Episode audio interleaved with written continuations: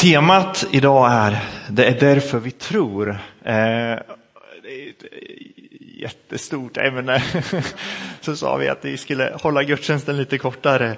Eh, så, så det blir verkligen inte en, en fullständig redogörelse såklart, utan det blir en, en kort eh, sak som jag blev drabbad av i veckan. Det var så att jag satt och, och, och eh, åt lunch med en, en kvinna som, som kom till tro Eh, på, på Jesus på 80-talet och kom in i ett trosrörelsepräglat sammanhang eh, där hon fick veta att, att Gud ville ge henne hälsa och rikedom.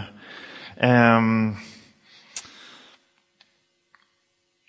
varför tror vi på Gud egentligen? Är det för att Gud välsignar oss? Är det för att Gud ger mig hälsa och rikedom? Varför tror vi på Gud? Och så kommer jag att tänka på Jobs bok i Bibeln. Jobs bok är ju en jättefascinerande bok, men som kan vara lite svårläst för att vad är det, 35 kapitel eller någonting är liksom de här vännerna som håller tal till Jobb och Jobb svarar. Ehm, en, en kanske svårläst bok, ehm, men en bok som beskriver vår relation till Gud och varför vi tror på Gud. Ehm, berättelsen handlar om Jobb, den här rättfärdige mannen eh, som är oerhört rik och framgångsrik. Eh, och så står det så här i Jobb kapitel 1, vers 6-12. En dag när gudasönerna trädde fram inför Herren var också anklagaren bland dem. Herren frågade honom, var har du varit? Anklagaren svarade, jag har vandrat kors och tvärs över jorden. Herren frågade, la du märke till min tjänare Jobb? På hela jorden finns ingen så oförvitlig och rättrådig som han. Ingen som så fruktar Gud och skyr allt ont. Anklagaren svarade, det är väl inte utan orsak som Jobb är gudfruktig. Du har ju själv på alla sätt skyddat honom och hans familj och allt som tillhör honom. Du välsignar allt han gör och hans jordar breder ut sig över landet. Men sträck ut din hand och rör vid det som tillhör honom. Då kommer han att förbanna dig rakt i ansiktet. Herren sa till anklagaren, gör som du vill med det som tillhör honom, bara du inte rör honom själv. Och så lämnade anklagaren Herren. Så Jobb, han är den här närmast perfekta människan och Gud vet att det finns ingen som är så gudfruktig som han. Ingen är så trofast som Jobb. Och så kommer anklagaren och föreslår för Gud att Jobb han är bara trofast. Han tror bara på dig. Han sätter bara sin trohet till dig för att du har gett honom framgång i livet. Ta bort allt det goda så ska du få se vem jobb egentligen är. Och så Gud, låter Gud det här väsendet att testa jobb. Och när vi läser Jobs bok så så läser vi inte en historisk händelse utan en, en poetisk berättelse som talar sant om Gud. En berättelse som visar en teologisk sanning. Och i den här poetiska berättelsen så får anklagaren plocka bort Jobs hela förmögenhet. Jobs familj dör och hans ägor dör. Det står att en dag när Jobs söner och döttrar var på fest hemma hos den äldste brodern kom en budbärare till Jobb och sa oxarna gick för plogen och åsnorna betade förbi, betade bredvid. Då kom saberna och rövade bort dem och högg ner folket. Jag ensam kom undan och kan berätta det för dig. Medan han ännu talade kom en till och sa, Guds eld slog ner från himlen och brände ihjäl fåren och folket. Jag ensam kom undan och kan berätta det för dig. Medan han ännu talade kom en till och berättade, Kaldéerna anföll med tre horder, de tog kamelerna och högg ner folket. Jag ensam kom undan och kan berätta det för dig. Medan han ännu talade kom en till och sa, dina söner och döttrar var på fest hemma hos den äldste brodern. Då kom en väldig stormby farande från öknen.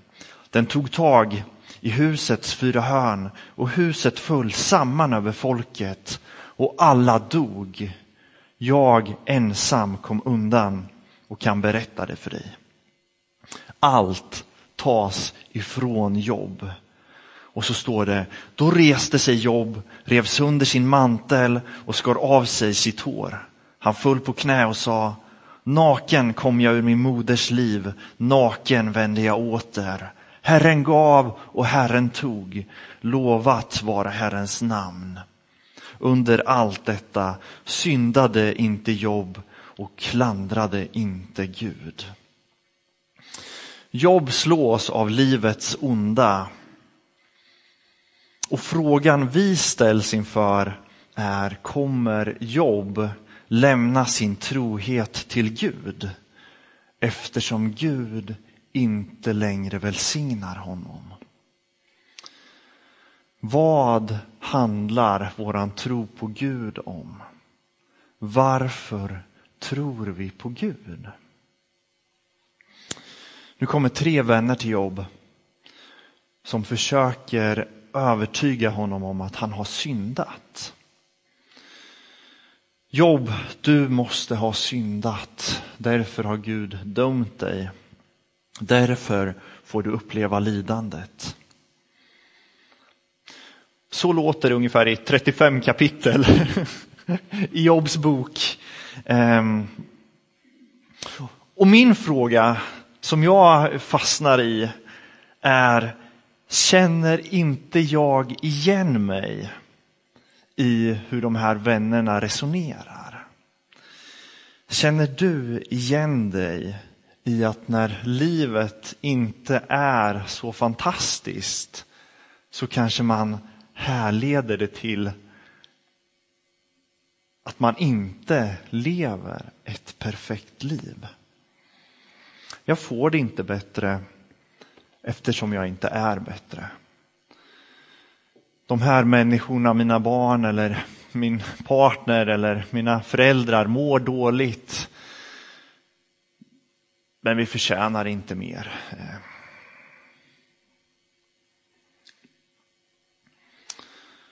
Man kan säga att hela Jobs bok är ett svar på den frågan. Och svaret är Gud är inte sån. Alltså Gud är inte resultatet utav din tro. Det liv du får ta emot är inte i förhållande till hur väl vi har lyckats med våra liv. Det är annars en väldigt etablerad uppfattning. Lever du rätt så blir du belönad. Det återkommer i många religioner, återkommer som karma. Har du levt rätt så belönas du. Alltså. Om du tror rätt så blir du välsignad. Tror du fel så blir du förbannad för att du har levt fel.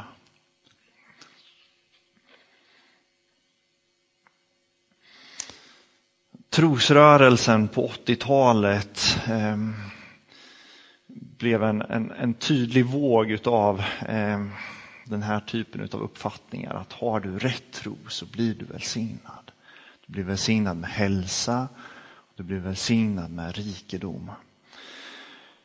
Men de här uppfattningarna har funnits i alla tider eh, och de finns i, i flera religioner. Eh, och svaret på Jobs bok är att det är inte sant att Gud välsignar den som lever rättfärdigt.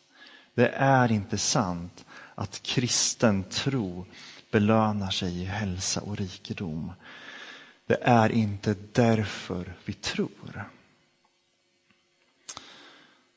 Så varför ska vi tro på Gud? Varför tror Jobb på Gud? Om inte jag tjänar på det, om det inte lönar sig för min privatekonomi eller i mina relationer eller i eh, där jag företar mig. Varför ska jag tro på Gud? I slutet av berättelsen om Jobb så träder Gud fram. Och så får Jobb möta Gud som universums skapare. Han möter Gud som den obeskrivlige, den som är herre över hela, hela världen, över skapelsen och Gud liksom, istället för att svara på Jobs frågor om hur det här hänger ihop så bara bekräftar han alltså alla de här sakerna han har skapat. um.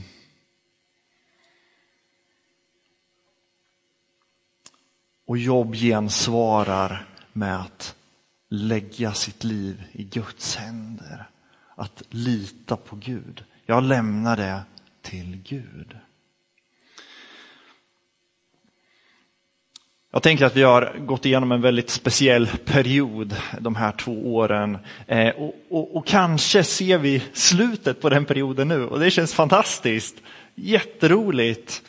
Eh, när livet startar igen så tror jag att vi är förtjänta att fundera på men varför tror jag på Gud egentligen? Varför ska jag tro på Gud? Vad har det för betydelse för mitt liv? Varför tror vi på Gud? Jag tror att vi tror på Gud för att han har mött oss. Precis som för jobb. Gud kommer till oss och vi får möta universums skapare. Vi tror inte på Gud för att vi eh, blir välsignade av att tro på Gud utan för att det är vår enda rätta respons i mötet med Gud. Vi är en frikyrklig rörelse. Vi kommer ur en tradition där man har betonat den egna erfarenheten utav Gud. Och vår vision som församling är att vi vill se fler människor beröras av Gud. Varför? Varför är det viktigt? För att gudsmötet föder tro och sätter våra liv i en ny dimension. Jag ska avsluta med att läsa från Johannes 6 och 35. Det säger Jesus så här. Jag är livets bröd. Den som kommer till mig ska aldrig hungra och den som tror på mig ska aldrig törsta. Jesus säger inte att nu får du mat i överflöd. Jag välsignar dig med, med mat och dryck så att du har ett lager där du kan eh, leva mätt och välsignad i resten av ditt liv. Utan han säger att kom till mig och du ska finna verklig föda. Kom till mig och du ska finna verklig dryck. Här förs vi in i en ny dimension utav tillvaron. Här möter jobb den Gud som är värd att förtrösta på. Vi tror inte för att bli välsignade. Vi tror för att Jesus har mött oss och för att vi har fått smaka på det levande vattnet. Därför tror vi på Gud.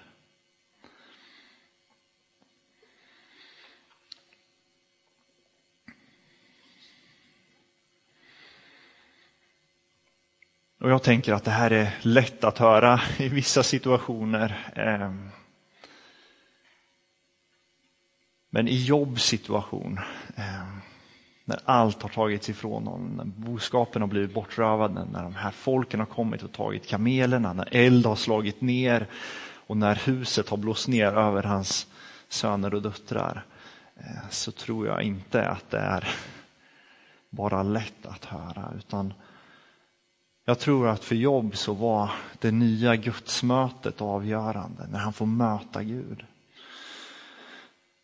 Och det tror jag är ett tilltal för oss. Eh, att åter söka Gud, att åter söka gudsmötet.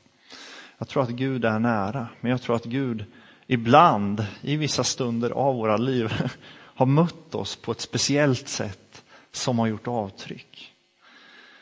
Och det tror jag är våran längtan som församling. Vi längtar efter att Gud ännu mer ska få prägla våra liv och att han ska få prägla människors i Rimforsas liv. Ehm, det vill jag skicka med oss idag. Ehm, Sara finns med som förebedjare. Ehm, om det är så att man vill ha förbön för någonting idag så, så sök gärna förbön.